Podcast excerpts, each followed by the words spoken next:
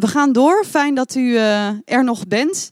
Um, er, er, zullen ongetwijfeld ook nog weer mensen aansluiten. Dat is zo, tijdens de kunstnacht gaat het zo uh, door. Het is een doorlopend programma. Um, wij gaan zo kijken naar de korte film Opia. Ik zie, ik zie wat jij nog niet ziet, maar het beïnvloedt je leven. In de animatiefilm Opia zien we een kind dat wordt achtervolgd door een onschuldig schaduwbeest. Zichzelf onbewust van die grote schaduw treedt het meisje de wereld tegemoet. Maar anderen zien de schaduw wel en behandelen haar daarom anders. Het is een korte film van Shanta Yao, of Yetu, uh, een traditioneel animator en beeldmaker die sociaal-maatschappelijke vraagstukken, menselijke relaties en socialisatieprocessen onder een vergrootglas plaatst. En door in te zoomen op het kleine moment of een kleine gebeurtenis in het dagelijks leven grotere thema's blootlegt. In dit geval is in mijn oog, racisme. Um, we gaan de korte film kijken. Daarna hebben wij um, student, uh, uh, of ja, student, masterstudenten weer, uh, politieke theorie aan de Radboud Universiteit uitgenodigd om een lezing te geven. een korte lezing bij deze korte film. Kiki Kolmer werkt trouwens ook als programmamaker bij Lux, dus misschien heeft u er al wel eens gezien. maar nu graag uw aandacht eerst voor Opia. film gaat dus over racisme. Wie heeft het gevoel dat de film ook over hem of haar zelf ging? Niemand. Ik heb dat gevoel. Ik denk dat deze video over ons allemaal gaat. Wat we hier zien is een kind dat wordt achtervolgd door een schaduwbeest. Het schaduwbeest doet niemand kwaad, net zoals het kind. Toch zien we dat mensen op straat het kind anders behandelen, door haar schaduwbeest. Want zij zien niet alleen het kind, ze zien ook het schaduwbeest. Nog meer dan dat, ze zien vooral het schaduwbeest. Dat schaduwbeest, u snapt de metafoor inmiddels, is huidskleur. Het is een hoofddoek. Het is een accent, een Arabische naam of voorouders die niet uit Europa komen. Het kind in deze animatiefilm kan er niets aan doen dat dat schaduwbeest achter haar aan beweegt. Het hoort gewoon bij haar. Het kind merkt wel de gevolgen van die schaduw. Ze wordt anders behandeld. Ze krijgt blikken. Ze wordt buitengesloten. Er wordt daar aan het einde zelfs geweld aangedaan. Ik ga je vanavond niet veel vertellen over de ervaring van het kind. Als u daar meer over wil weten, moet u volgens mij met iemand praten die weet hoe het is om in de positie van het kind te zitten. Ik ga wel met u praten over die andere mensen in de film. De mensen die die vreemde blik werpen, die het kind buitensluiten, die haar fysiek pijn doen. Want die mensen, dat ben ik. En dat zijn meer mensen hier in de zaal. Um, niet omdat ik ooit een persoon van kleur op de grond zou duwen of haar ijsje op de grond zou gooien. Of omdat ik haar moedwillig een slecht gevoel uh, zou geven. En ik hoop van harte dat u dat ook niet zou doen. Dat denk ik niet. Um, maar ook zonder dat ik bewust een racist ben, zelfs terwijl ik liever niet zou, liever, uh, terwijl ik weinig liever zou doen dan het racisme de wereld uit helpen, kan ik nog altijd racistische vooroordelen hebben. En kan ik daar onbewust nog altijd naar handelen. En dus zal ik ook bijdragen aan een racistisch systeem. Filosofie van ras of racisme draait niet alleen om openlijke racisten. Het draait veel meer om racistische structuren in onze samenleving of in onze staat. Om systemen die bepaalde groepen uitsluiten en anderen een voordeel geven. Maar Kiki, denk je nu misschien, waar heb je het nu eigenlijk over, een racistisch systeem? Racisme is verboden in Nederland. De wet is voor iedereen gelijk. We hebben allemaal gelijkheid van religie. Uh, we hebben een onafhankelijk en neutraal rechtssysteem. Alle kinderen hebben toegang tot onderwijs. En natuurlijk zijn er mensen als Geert Wilders en Thierry Baudet die dingen zeggen die soms heel naar zijn. En, uh, nou ja, maar die mensen zitten in ieder geval gelukkig niet in de regering. Mocht je dat inderdaad denken, ik durf je bij deze tegen te spreken. En ik zal je uitleggen waarom. En ik zal vooral uitleggen waarom precies deze ontkenning van racisme zo problematisch is. Ik begin met een paar cijfers. Volgens het CBS is het besteedbaar inkomen van een gemiddeld huishouden met een hoofdkostwinnaar van Nederlandse afkomst gemiddeld 25.500 euro per jaar. Is die hoofdkostwinnaar afkomstig uit een ander westers land, is het gemiddeld 23.800 euro. Is die hoofdkostwinnaar van een herkomst die te identificeren is als niet-westers, dan is dit nog slechts 18,2 euro. Dat is dus een verschil van meer dan 7000 euro per jaar ten opzichte van die autochtone Nederlandse kostwinnaar. Daarmee kunnen we dus stellen dat er wel degelijk sprake is van materiële ongelijkheid tussen mensen in Nederland, langs lijnen van afkomst en etniciteit. Om deze ongelijkheid te begrijpen, wordt er in het veld van filosofie van racisme verder gekeken dan de cijfers. Cruciaal voor het begrijpen van racisme is, zo stel ik en vele mensen met mij, een analyse van macht. Daar komt de politicoloog in mij dan weer naar voren. Um, ik heb het dan niet alleen macht over macht zoals een werkgever macht heeft over een werknemer, een coach over een voetbalteam of premier Rutte over ons allemaal. Ik heb het dan ook over macht zoals Michiel Foucault dat in de vorige eeuw beschreef. Hij definieerde macht niet alleen als het hebben van macht over een ander of het worden onderdrukt door een ander. Hij stelde dat macht overal om ons heen is, in alles.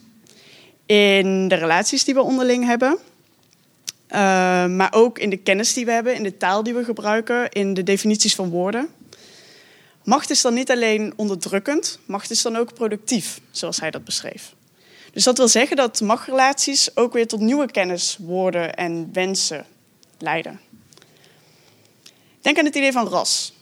Het hele concept van ras is ooit in koloniale tijden gecreëerd door wetenschappers, door biologen onder andere.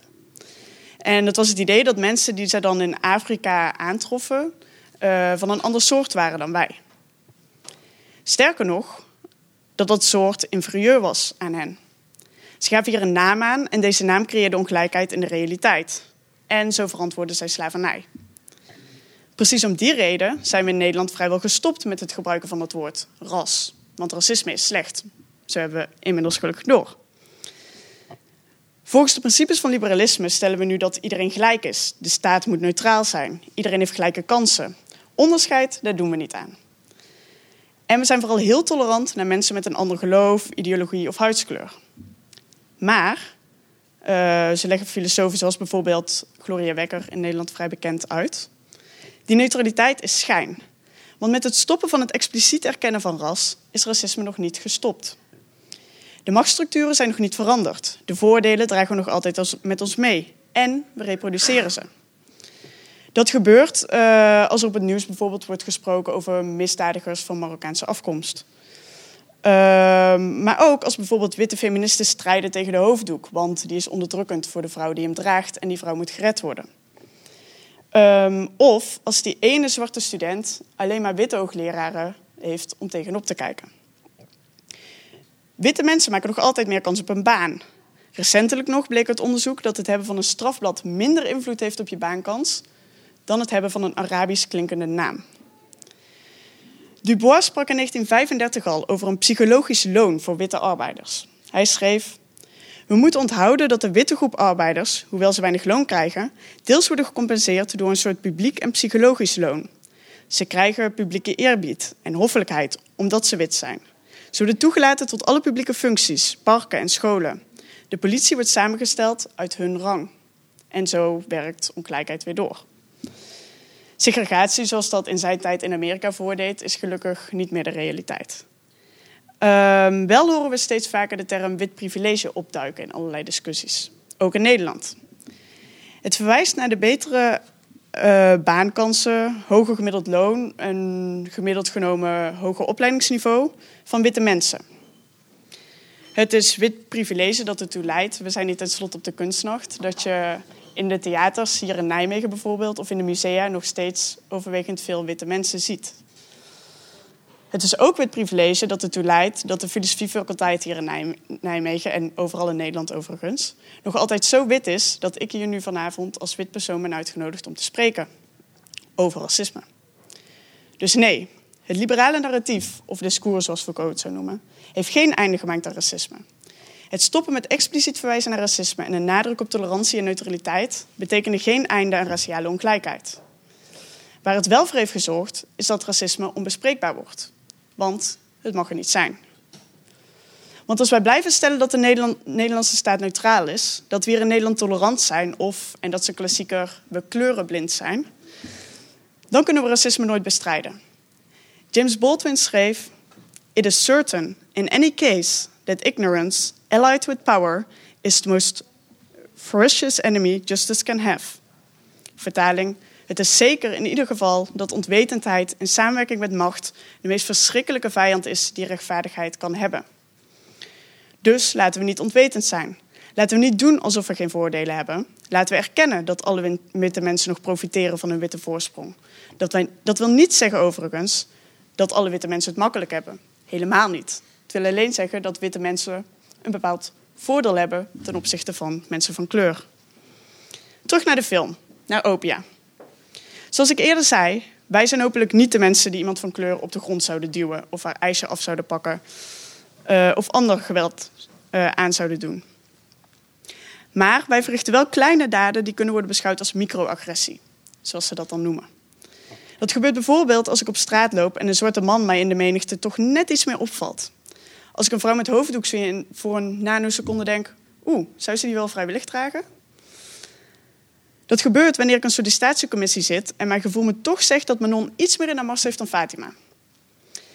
Wanneer ik een buurman hoor zeggen dat, die nou eenmaal, ja, dat het nou eenmaal toch wel vaak Marokkanen zijn die misdrijf plegen en ik mijn mond hou. En niet al deze gebeurtenissen hebben een direct gevolg voor die zwarte man, de vrouw met hoofddoek of de Marokkaanse medemens. Maar wel indirect gevolg. Want ze dragen bij in een discours waarin, wij, waarin zij worden gestigmatiseerd. En op die momenten reproduceer ik het idee dat de witte Nederlander anders is, beter is. Dus laten we de volgende keer als we dit filmpje zien en ik vraag over wie die film gaat, of het over ons gaat, met z'n allen onze hand opsteken. Niet omdat wij slechte witte mensen zijn. Ik ken overigens geen één filosoof die beweert dat alle witte mensen slecht zijn en doelbewust hen willen onderdrukken. Um, maar wel omdat we erkennen dat er nog steeds problemen rondom racisme zijn. En dat wij leven in een systeem waarin witte mensen toch een beetje voorsprong hebben. Dank u.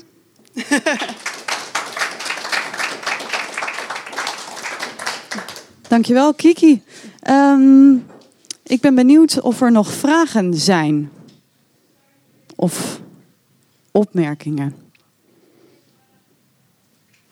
Wie of wie? Anders heb ik er zelf wel één. Um, want ik vraag me af, al die witte mensen, is dat niet ook weer bij elkaar een vergaarbak? Ik kan me namelijk, ik moet zelf denken, inderdaad, je bent een witte vrouw, jij staat hier.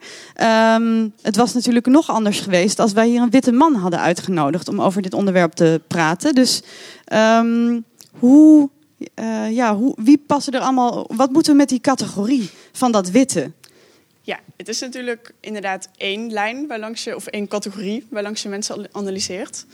Um, ook als je naar filosofie van racisme gaat kijken, maken mensen veel, vaak gebruik van intersectionalisme. En dat is dan weer het idee dat je inderdaad meerdere factoren hebt die meespelen in jouw positie in de samenleving.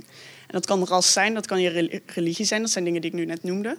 Maar dat kan inderdaad ook je gender zijn, je seksualiteit, je klasse, uh, je opleidingsniveau. Dus er zijn heel veel factoren die meespelen. En daardoor kan het dus inderdaad ook zijn dat er een zwarte man is die een veel betere positie heeft dan ik als witte vrouw. Of een, zwart, een witte man. Dat kan ook nog natuurlijk. Ja. Maar het gaat jou daar vooral om dat we uh, proberen te zien, om in onszelf te duiken en ons af te vragen welke vooroordelen daarin eigenlijk dan uh, spelen. Ja, op al die verschillende ja, niveaus. voordelen en ook te erkennen dat, dat het er bestaat. Dus ook erkennen dat, um, dat je bepaalde privileges hebt. Want ik denk dat we racisme pas kunnen aanpakken als we die privileges erkennen.